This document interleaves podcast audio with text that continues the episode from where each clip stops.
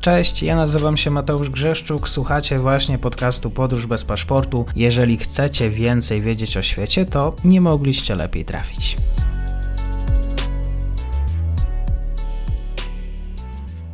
Dzień dobry wszystkim słuchaczom. Dzisiaj ze mną jest Arkadiusz Legieć z Polskiego Instytutu Spraw Międzynarodowych. Będziemy rozmawiać o podejściu, gruzińskim podejściu do tego, co się dzieje na wschodzie. Dzień dobry. Dzień dobry. Cytuję materiał, który pojawił się w serwisie PAP. Informacja o tym, że władze Gruzji odmawiały rosyjskim opozycjonistom wjazdu do swojego kraju. Artyści sprzeciwiający się inwazji Rosji na Ukrainę nie mogli, nie mogą występować przed gruzińską publicznością. I tutaj niezależny rosyjski kanał na Telegramie Możem objaśnić, stwierdził, że no, Tbilisi jest ostrożne, bo obawia się reakcji Moskwy. Zastanawiam się, jak to się też wpisuje w tę deklarację ostatnio polityczną, czy deklarację, propozycję jednego z polityków. Gruzja od samego początku trwania wojny na Ukrainie prowadzi politykę, która z europejskiego punktu widzenia no, budzi dużo emocji, budzi dużo niezrozumienia i znaków zapytania. Należałoby zacząć w zasadzie tutaj od, od, od, początku, zanim przejdziemy do tych opozycjonistów i w ogóle stosunku Gruzji do Rosji. Trzeba by było zacząć do tego, jak Rosja od początku trwania wojny pozycjonuje się wobec wydarzeń na Ukrainie i wobec wspólnego zachodniego frontu i sankcji i presji międzynarodowej skierowanych wobec Rosji. Gruzja, jeżeli chodzi o samą politykę Rosji na obszarze postsowieckim, od lat odczuwa te same zagrożenia, które odczuwała i Ukraina, i inne państwa regionu. Pomnijmy, że w 2008 roku to Gruzja padła ofiarą rosyjskiej agresji, z której konsekwencjami boryka się do dzisiaj.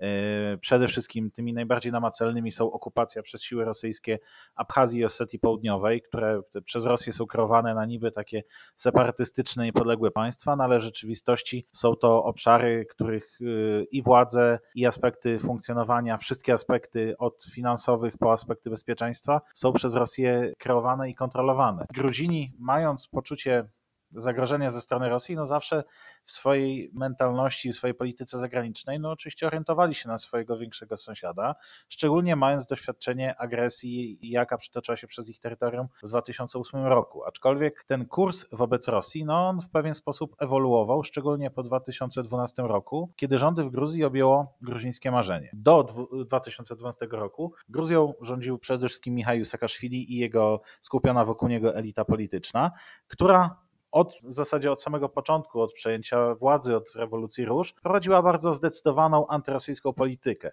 podkreślając to, że ambicją Gruzji jest integracja z Zachodem, z Unią Europejską, z NATO, współpraca ze Stanami Zjednoczonymi. To się też wiązało z reformami państwa, jakie wdrożono i z dystansowaniem się wobec Rosji. Ta polityka ewoluowała po 2012 roku o tyle, ponieważ rządy, władze w kraju przejęło gruzińskie marzenie na czele z oligarchą Bdziną Iwaniszwilim, który obiektywnie rzecz patrząc kontynuował proeuropejską, proatlantycką linię polityki zagranicznej zapoczątkowaną przez Michała Saakaszwiliego. Pamiętajmy o tym, że to w okresie po 2012 roku Gruzji udało się skonkludować te wieloletnie starania dotyczące podpisania umowy stowarzyszeniowej, umowy o pogłębionej strefie wolnego handlu. Gruzja otrzymała ruch bezwizowy i Gruzja w dalszym ciągu rozwijała ten prozachodni wektor w swojej polityce zagranicznej, aczkolwiek w pewien sposób, możemy powiedzieć, złagodziła relacje z Rosją. Te państwa nie wznowiły stosunków na poziomie dyplomatycznym w takiej formie, że ani Gruzja nie ma swojej ambasady w Moskwie, ani, ani Rosja nie ma swojej placówki w Tbilisi. Te państwa mają otwarte granice, aczkolwiek od, od zawsze ten, ten ruch handlowy, ruch osobowy był w pewien sposób no, naznaczony takim czynnikiem wyjątkowego ryzyka. Po 2012 roku starano się to zmienić po to, aby dać kolejny impuls rozwojowy gruzińskiej gospodarce, a także na tym takim poziomie politycznym, poziomie bezpieczeństwa niepotrzebnie nie zadrażniać relacji z Rosją. Gruzińscy rządzący doszli do wniosku, że taka pragmatyczna polityka, w której no, nie poprawi się już relacji z Rosją, nie poprawi się położenia geostrategicznego Gruzji, ale można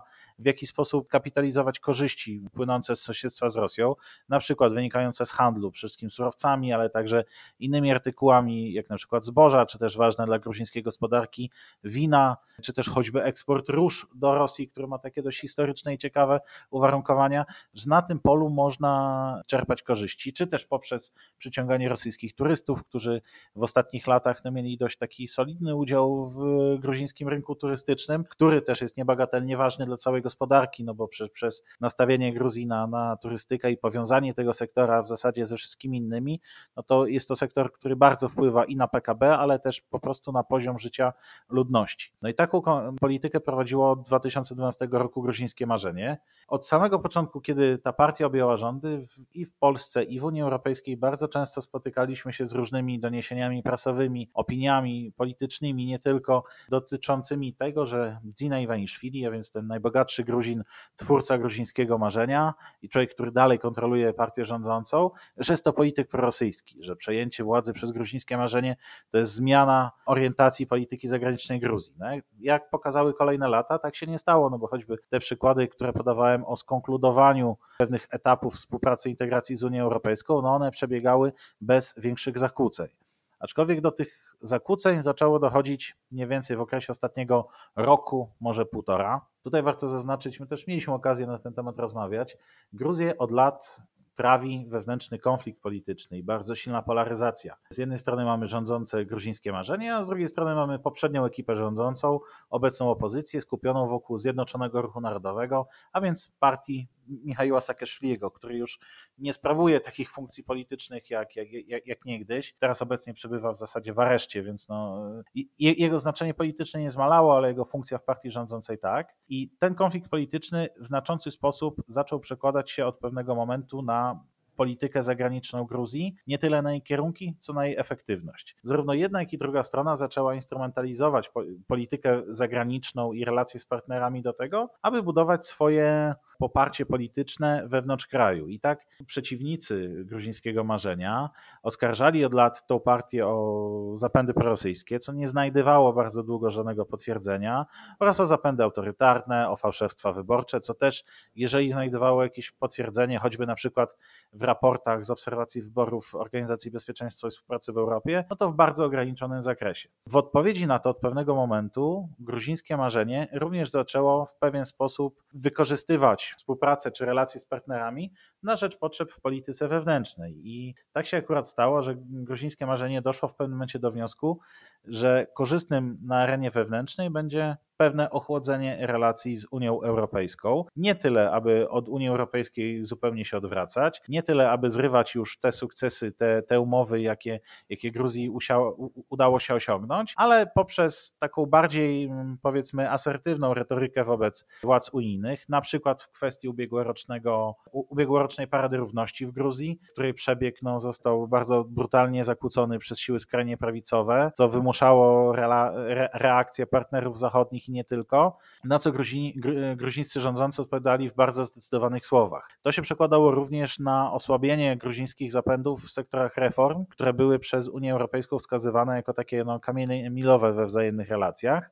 Tego typu działania gruzińskie marzenie przedstawiało jako pewną taką dojrzałość i pewną asertywność w relacjach z Unią, pokazującą, że prawda, nikt tutaj nam się w nasze sprawy nie będzie wtrącał i w ten sposób wykorzystywano to do pozyskiwania na przykład skrajnie prawicowych wyborców, a okazji ku temu nie brakowało, ponieważ w ostatnich latach mieliśmy w Gruzji z całą serią wyborów. W takim stanie gruzińscy rządzący zastali wojnę na Ukrainie, czy też to wojna zastała w takim stanie gruzińskich rządzących to, skąd wzięło się to nie tyle takie oziębienie, co no, większa asertywność w relacjach z Unią Europejską, w mojej ocenie wynikało to z pewnej takiej kalkulacji gruzińskich władz, także opartej na obserwacji relacji Unii z innymi partnerami w regionie, jak na przykład Turcja czy Azerbejdżan, pokazującej, że akcesja do Unii Europejskiej, a więc ten ostateczny cel, jest na tyle celem odległym, że nie warto o niego kruszyć kopii. A jeżeli w ten sposób zdefiniuje się sytuację, że to nie akcesja jest naszym celem, bo, bo nie do końca jest ona możliwa w jakiejkolwiek dającej się przewidzieć perspektywie,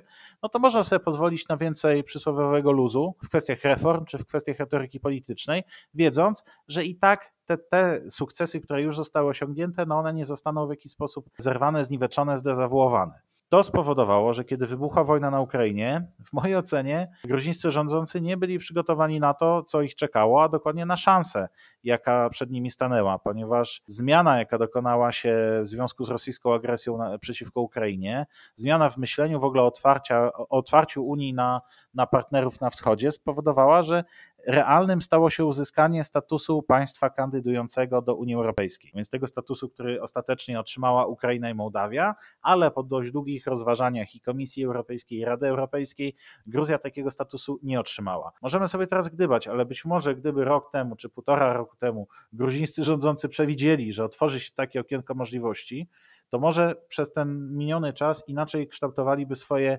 relacje z Unią Europejską, a tak zostali w negatywny sposób zaskoczeni sytuacją, na którą nie byli przygotowani, a pewne ruchy, pewna retoryka, klimat polityczny zostały już na tyle zepsute, że no ciężko było z tego po prostu wyjść. Dlatego też Gruzja nie otrzymała statusu państwa kandydującego, aczkolwiek Unia Europejska zapowiedziała, że jak najbardziej drzwi do Unii Europejskiej dla Gruzji nie są zamknięte, tylko że Gruzja musi jeszcze poczynić szereg reform. Tutaj wskazano konkretne 12 obszarów, w których Unia Europejska wymaga od Gruzji postępu. Początkowo zapowiedziano, że monitoring tych postępów zostanie przeprowadzony na koniec bieżącego roku, aczkolwiek bardzo szybko Unia Europejska ten, ten okres przedłużyła o kolejny rok, co też pokazuje nam, że sama Unia Europejska prawdopodobnie nie oczekuje od gruzińskich władz takiej zdecydowanej, szybkiej i efektywnej implementacji tego, co jest konieczne, aby podnieść tą, tą, tą e, perspektywę Gruzji jako potencjalnego kandydata na status kandydata, ponieważ e, gruzińskie władze nie wykazują takiej woli politycznej, w związku z tym, o czym mówiłem wcześniej.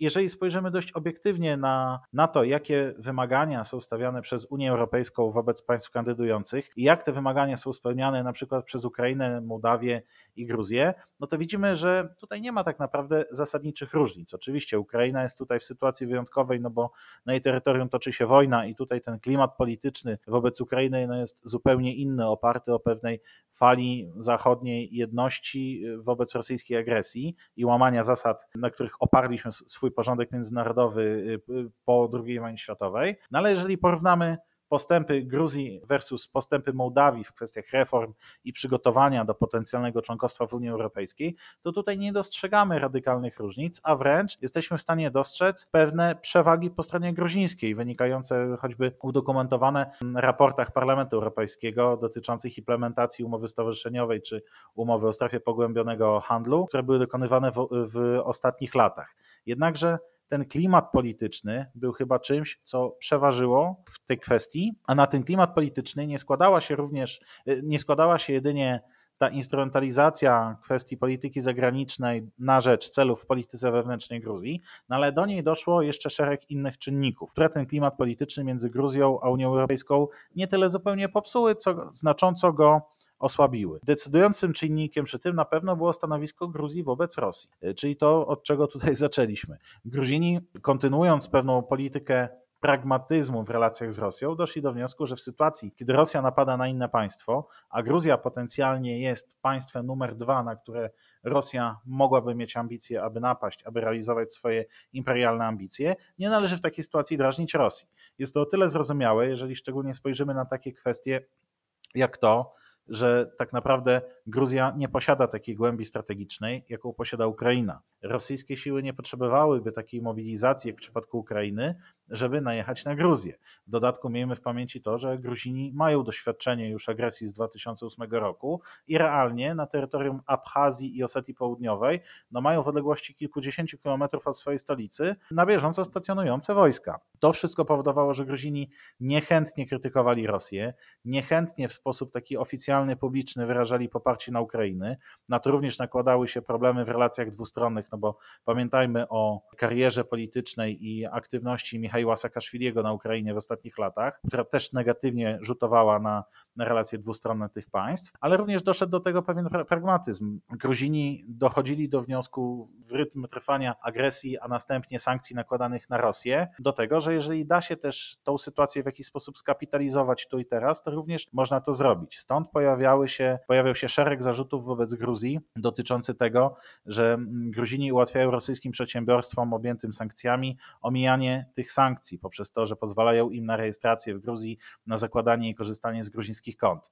To w tej kwestii nie przeprowadzono jeszcze optymalnego i obiektywnego śledztwa, które obrazowałoby skalę tego procederu, ale na pewno do pewnego stopnia mamy z tym do czynienia na terenie Gruzji. Mamy również do czynienia z napływem po prostu migrantów z Rosji, zarówno tych zamożnych, jak i nie, zarówno tych opozycyjnych, jak i nieopozycyjnych, którzy na terytorium Gruzji szukają schronienia, czy to przed, uciekając przed represjami politycznymi z Rosji, czy to uciekając przed gospodarczymi konsekwencjami sankcjami, jakie gospodarka i społeczeństwo rosyjskie dotykają w ostatnich miesiącach. To oczywiście przekłada się z jednej strony na szereg negatywnych zjawisk na, na, na rynku gruzińskim, ale to również sprawia, że Gruzini w tej sytuacji no, są w stanie w jakiś sposób wykorzystywać napływ tego rosyjskiego kapitału jako element rozwojowy dla, dla swoim PKB, swoich statystyk ekonomicznych i faktycznie jest to odzwierciedlone w ostatnich raportach. Podsumowując, te wszystkie działania przełożyły się negatywnie na gruziński obraz w percepcji europejskich partnerów, którzy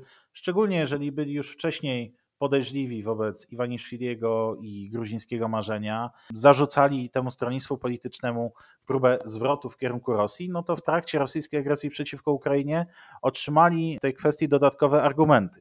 Jest to oczywiście do pewnego stopnia obraz uzasadniony, ponieważ jeżeli spojrzymy na gruzińskie działania w ostatnich miesiącach, no to doszło do tego wzrostu asertywności, doszło do pogorszenia klimatu politycznego i przysporzono krytykom Gruzji dodatkowych argumentów do tego, aby ją krytykować. Z drugiej jednak strony, jeżeli przeanalizujemy politykę innych państw, regionu i nie tylko, czy Turcji, czy innych państw Kaukazu, czy choćby państw Bałkanów, czy choćby Mołdawii, która, która otrzymała status państwa kandydującego, nie były to państwa, które radykalnie krytykowały Rosję. Nie były to państwa, które całym swoim możliwym potencjałem wspierały europejskie antyrosyjskie sankcje przeciwko Rosji.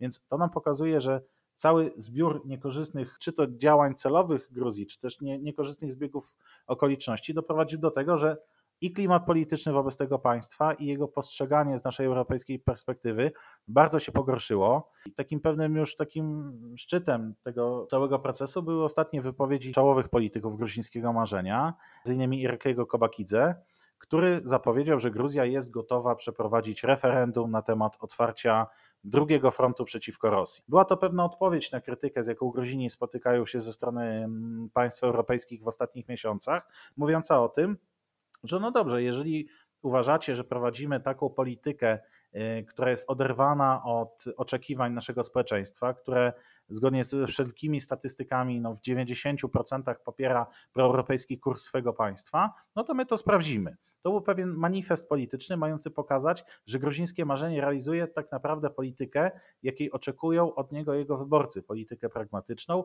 politykę, która nie ma na celu dokonanie jakiegoś prorosyjskiego zwrotu, ale która ma na celu takie pragmatyczne y, spozycjonowanie Gruzji w tej polityce regionalnej, trochę w mojej ocenie inspirując się polityką prowadzoną w ostatnich latach, czy to przez Turcję, czy to przez Azerbejdżan, mającą świadomość, że akcesja jest czymś nieosiągalnym do Unii Europejskiej, wobec czego można sobie pozwolić na szereg odstępstw od y, powiedzmy takiej konsekwentnej drogi proeuropejskiej, po to, aby wzmacniać swoje bezpieczeństwo niezależnie od Unii Europejskiej i po to, żeby dostarczać do dodatkowych czynników rozwojowych gruzińskiej gospodarce, gruzińskiemu społeczeństwu. Ostatnie miesiące na pewno pokazują, że jest to polityka bardzo ryzykowna, narażająca nasz fang, bardzo dobre relacje z, z Unią Europejską i przede wszystkim postrzeganie Gruzji na arenie międzynarodowej.